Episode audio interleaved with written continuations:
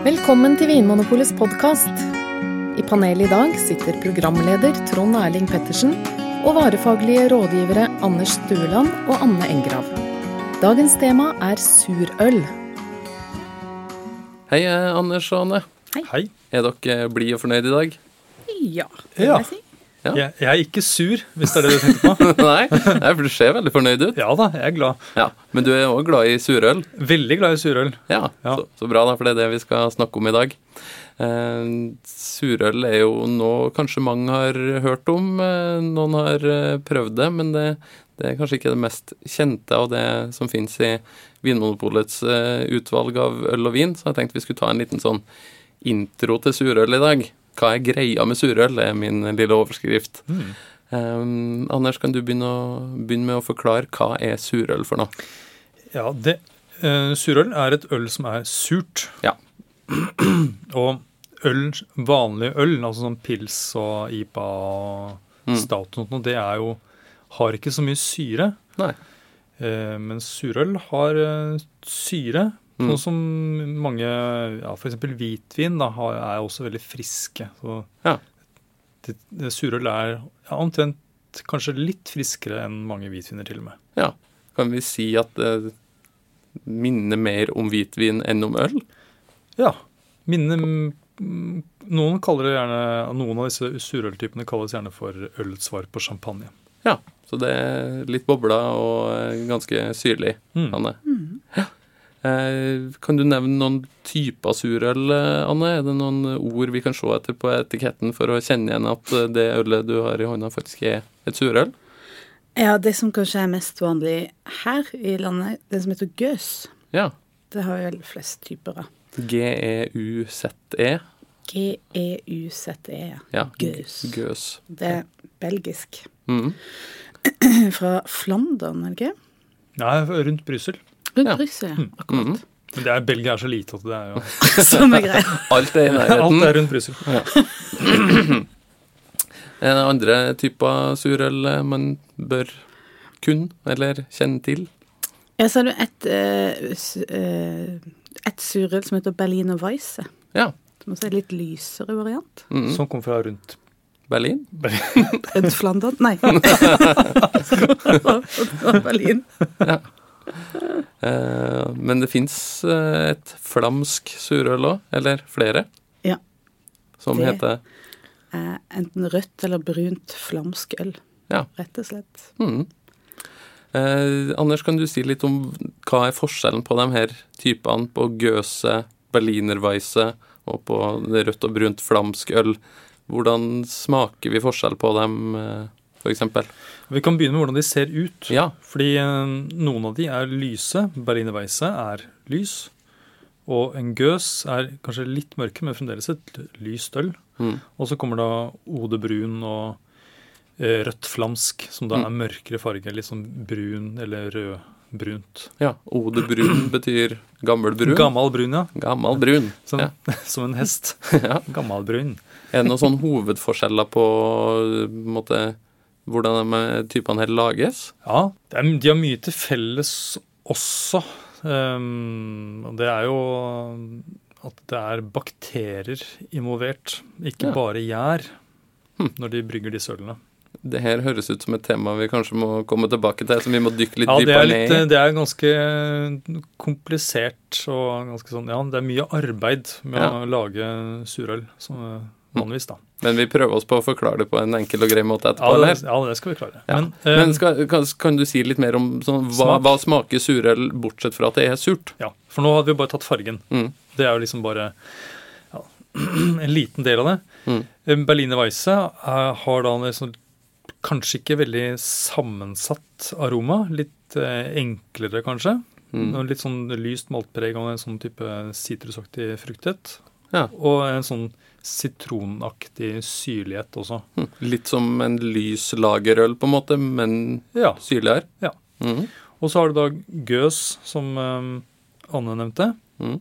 Som da er mye mer komplekst. Mange forskjellige aromaer. Og det er alt fra litt sånn stall og parmesanost til eh, aprikoser og sitrus og epler og urter. og Veldig veldig mye forskjellige spennende aromaer. Og så har du da disse her brune og røde ølene, som da eh, har et mer sånn karamellisert preg, som kan minne litt om eh, knekk og nøtter, i tillegg til noe sånn nesten kirsebær- og morellaktig fruktighet. Ja.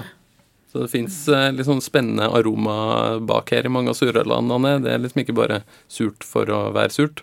Nei, det er jo en av surølets eh, styrker, da. At de er så veldig sånn komplekse sammensatte. Ja. Spennende øl, da. Mm. Ja. Og forfriskende. Og forfriskende. Ja, men Det høres bra ut. Skal vi prøve oss på å dykke litt ned i eh, hvordan de her ølene lages, da? Vi kan prøve. Vi prøver.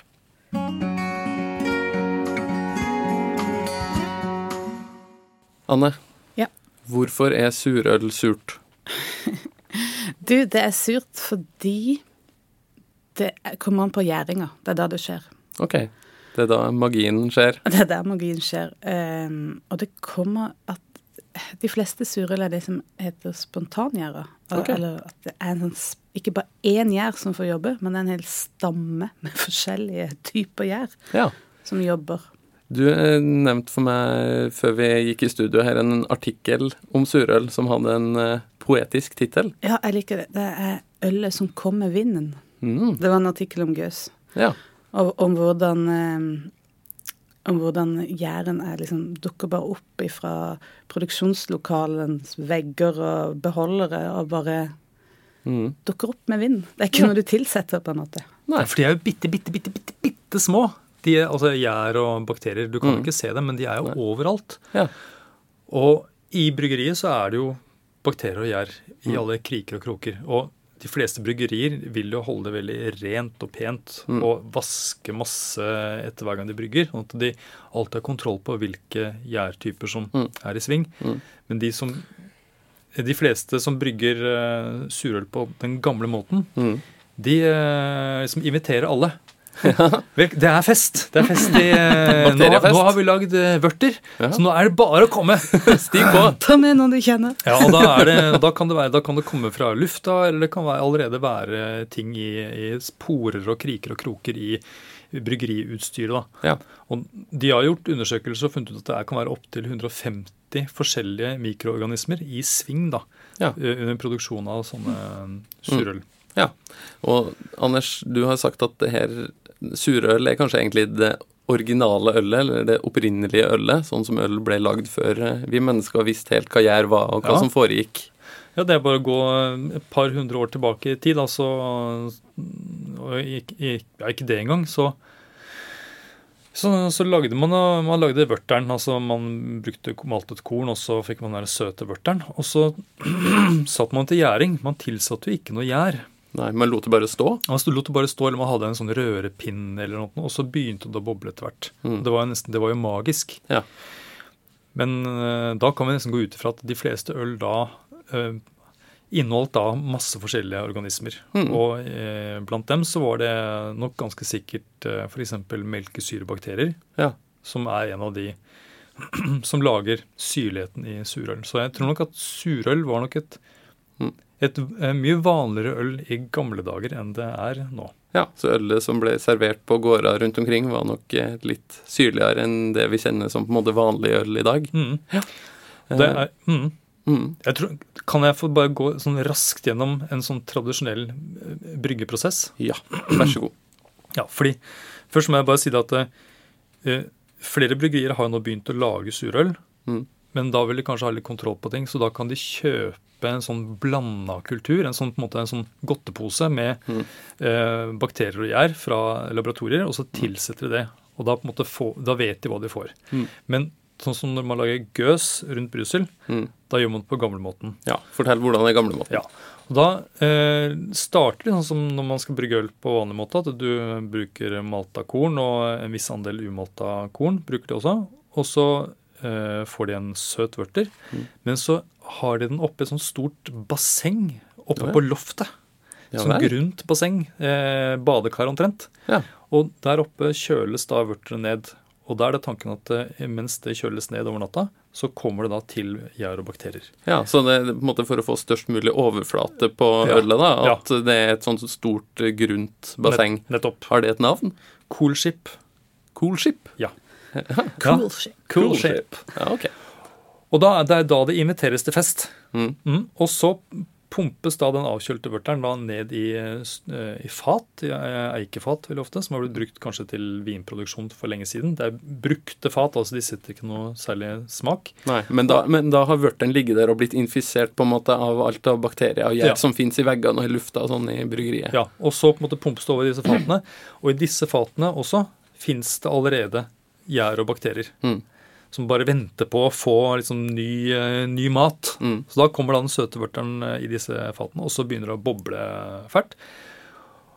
Men det som er saken er at det, i, når man brygger øl vanligvis, så tar det kanskje to-tre uker, så er den gjæringen ferdig. Og så tar det et par uker til, og så er ølet ferdig til å eh, selges. Mm. Mm. Men når man lager slikt øl som dette her, så tar så Det blir nesten som en stafett. En gjær- og bakteriestafett som foregår inne i disse fatene. Hvor noen på en måte trives best når det er masse sukker og ikke så altfor surt. Mm. Eh, Mens, mens andre på en måte tåler mer syre og sånt. Så når noen er ferdig, så tar noen andre over. Og det tar eh, minst et år Mm. før liksom stafetten er ferdig. Ja. Og, og da, da er liksom begynner å bli surt og komplekst. Ja, for det er det det at det tar så lang tid som gjør at det blir et litt sånn komplekst og annerledes og sammensatt Ja. øl òg? Ja, fordi alle eh, jeg, Stafetter, Ja, stafetter. Det vil at vi kan samle alle, alle de 150 som har vært med i stafetten. Mm. De samles da til slutt til et kor. og alle synger med sin stemme. Og det er klart at det blir jo mye, mer, mye flottere og mer komplekst enn hvis det bare er én stakkars liten gjærcelle som synger. Hvis ikke det er noen som synger veldig falskt, da. Ja, det er sant. Ja, og noen synger litt falskt, men det er på en måte, fordi det er noen som synger fint, så på en måte så blir det, blir det fint for det. Ja. Anne, er du enig i at Anders ligner litt på en sånn bakterie? Der han sitter nå og gestikulerer i studio og viser med hele kroppen hvordan det her koret Jeg ser det ser for ut. veldig tydelig for meg. Ja. Ja, så da er surøl egentlig ferdig Mm. etter, etter da et, et års tid. da. ja. Eh, Det er noe som heter lambic. Mm. Hva er forskjellen på lambikk og gøs? Lambic er eh, Man kaller det liksom lambic-familien, men hvis du finner en flaske hvor det bare står lambic på, Mm. så er det da dette ølet som er minst et år gammelt, Mm. eh, og, eh, og brygget da um, rundt altså Brussel, da. Mm. Um, og det er, det er surt, men det er, har veldig lite kullsyre. Det bobler ikke så mye. Og det som heter gøs, Mm. er jo da en lambic, en, altså en lambikk som er to-tre år gammel, som Mm. er blandet med en lambikk som er ett år gammel. Okay. Og det som skjer da når du blander de to, er at det er litt næring igjen i den ett år gamle, Mm. som gjør at det produseres da eh, kullsyre når det, på flaska. Ja, så da blir det en sånn ettergjæring på flaska på samme måte som i champagne eller cava eller Ja. eh, musserende vin. Ja, men Mm. de, En lambic og en gøs har mye til felles sånn i aroma, men Mm. største forskjellen er kanskje Det er kanskje litt mer fruktighet og litt mer, og mye, mye mer kullsyre da, i en gøs. Mm. Eh, Hva med de mer røde og brune flamskeølene som vi snakka om, lages de på samme måten? Eh, noen tar da runden via sånt eh, coolskip, Mm. og så pumper det over i, eh, i, i fat. Andre tilsetter en eh, gjærings... Altså en kultur først, og gjærer som et vanlig øl, og så har det over på fat, og der på en måte skjer det der på en måte begynner stafetten. Mm. Så det er litt mer, litt, litt, kanskje litt mer variasjon blant uh, de røde og brune. Mm. Og berlinerweisse, da? Hvordan lages det? Berlinerweisse, da tilsettes det veldig ofte en melkesyrebakteriekultur Mm. til, eh, til et øl som er tilsatt eh, en gjærkultur. Så det er også ganske mye mer kontrollert. Jeg vet at det fins noen som lager en type spontangjæra berlinerveis også, Mm. men det er nok veldig sjeldent. Melkesyrebakterier, er det det samme som fins i sånn yoghurt og Biola og sånne produkter som vi spiser for å liksom få en god bakterieflora i magen? Det er det, og jeg vet det er noen som har laget surøl med å tilsette litt Biola til, eh, til børteren. Ja. Så det Hjemmebryggere, da? eller? Eh, nei, profe, professionals. Professionals. Yes. Ja. Men hva med eddiksyrebakterien? Er ikke den òg med på så Jo da.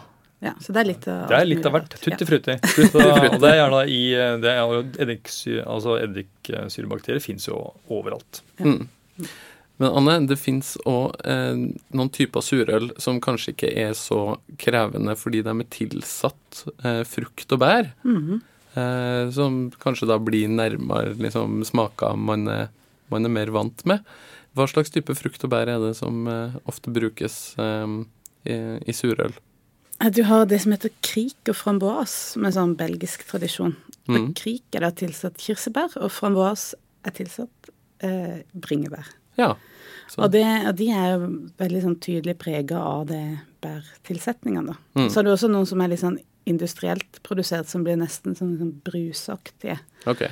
Men eh, du har den som er sånn spontangjæra varianten med der de bæra ligger oppi og Ja, der du Er rett og slett bare stafetten, er det ikke det? Ja. De er med ja, i det er, en, det er en, på en måte en ny runde. mm, En ekstraomgang. De på en måte. starter en mm. strafferunde, Ja. på en måte. ja. Og da, da er det ordentlig friske bær som ligger og dupper oppi, holdt jeg på å si, sammen med Hva heter det kirsebær? Det er en egen type kirsebær som de bruker i krig, som er en sånn der eh, Nei.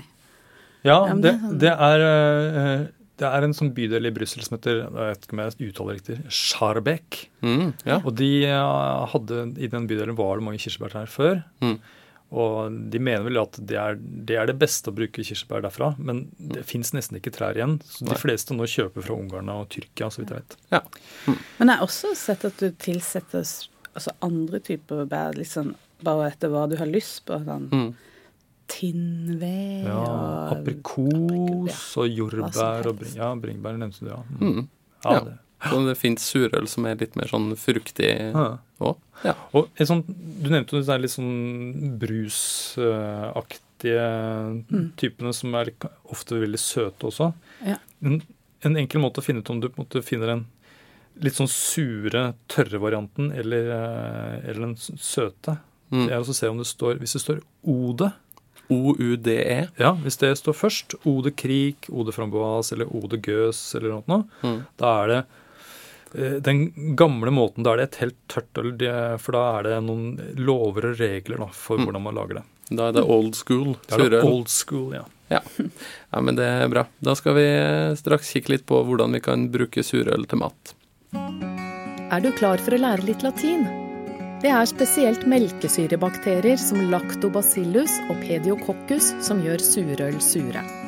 Men også andre bakteriekulturer får være med på leken. Sammen med ulike typer gjærsopp, som bretonomyces, fortsetter disse mikroorganismene å leve i ølet etter at saccharomyces, altså vanlig gjær, har tatt kvelden. Da begynner en langsom prosess der ølet blir surere og mer komplekst. Et surøl tar derfor minst ett år å brygge. Dette er mye lengre tid enn det som er vanlig for tradisjonelle overgjærede øl, som kan være ute på markedet etter bare fire uker. Det er ikke alltid så lett å se på flasken om ølet inni er surt eller ikke. Men hvis etiketten bærer ord som gøs, berliner weisse, krik eller framboise, er det et surøl vi har med å gjøre. Det er også vanlig å gi surøl navn som inneholder ordene spontan, wild, funky eller sour. Og da har vi kommet fram til grunnen til at jeg valgte eh, måte, overskriften for episoden her, nemlig 'Hva er greia med surøl?' Eh, For jeg har møtt mange som har smakt surøl for første gang, og tenkt at det her var da bare surt og rart. Hva er egentlig greia med surøl? Hvorfor er det så mange som snakker om det her og er opptatt av eh, surøl? Kjenner dere, dere igjen i det? Ja, jeg kjenner jo mange som har bare fått helt sjokk når du tror du skal drikke en Du får et glass øl, og så er det bare kjemperart og tenker at det må være noe feil. Mhm. Så det er jo litt på hva du forventer at du skal liksom treffe deg Mm. du tar et glass øl, da. Ja, ja hva, hva kan jeg forvente når jeg bestiller en surøl eller kjøper en flaske gøs eh, på Vinmonopolet? For det første, den derre tydelige syrligheten. Som Mm. noen ganger kan være veldig Altså det kan være veldig surt. Mhm. Eh, og det er det veldig mange som er glad i vin. Mm. er jo nettopp denne friskheten du er glad i. Så hvis du er veldig glad i øl, så er det kanskje ikke denne friskheten du er klar for, da. Nei. Men hvis Men- du liker sånn type Riesling og Sancerre og sånne ganske syrlige viner, så Ja, og veldig mye er også bare snakk om en sånn tilvenning. Det altså bare omstille hjernen lite grann. Så mm. vil man eh, nok få en bedre opplevelse også. Mm. Og være litt forberedt på det. Og det at det er så komplekst, og det er så mye rart som du på en måte aldri har lukta og smakt i en øl før. da. Mm. Er det, er det litt som oliven og blåmuggost og sånne typer mat som er, kan være litt rar i starten, men som eh, har mye spennende i seg når du først venner deg til det? Ja, når du på en måte blir vant til det, lærer deg å like det, og ser nyansene og, og liksom det liksom spennende i det uvante. da. Mm. Eh, Anders, jeg har inntrykk av at surøl er noe som ganske mange, særlig i øl- og bryggemiljøet, snakker om og er opptatt av. Mm. For, og så foreløpig er det ikke så mange som kjøper det, i hvert fall ikke hvis vi sammenligner med tradisjonell eh, lyslager og pale ale og de mer klassiske øltypene. Nei, det forsvinner litt i forhold til eh, den typen øl. Mm. Hva, hva er det som gjør at du er så glad i surøl, eller syns det er så spennende? Hva, hvilke kvaliteter har, eh, har surøl? Nei, Det er jo det som uh, vi har snakket om, at det er så veldig komplekst. Mm. Masse, masse forskjellige smaker. Det er, eh, du har en lang ettersmak.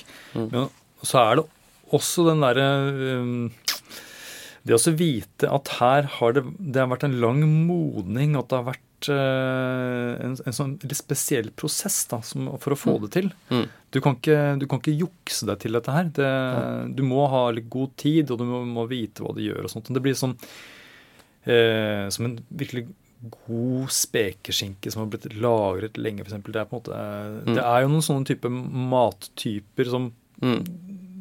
Ja, det må jobbes litt, eh, jobbes litt ekstra med for å få den der kompleksiteten. Og Mm.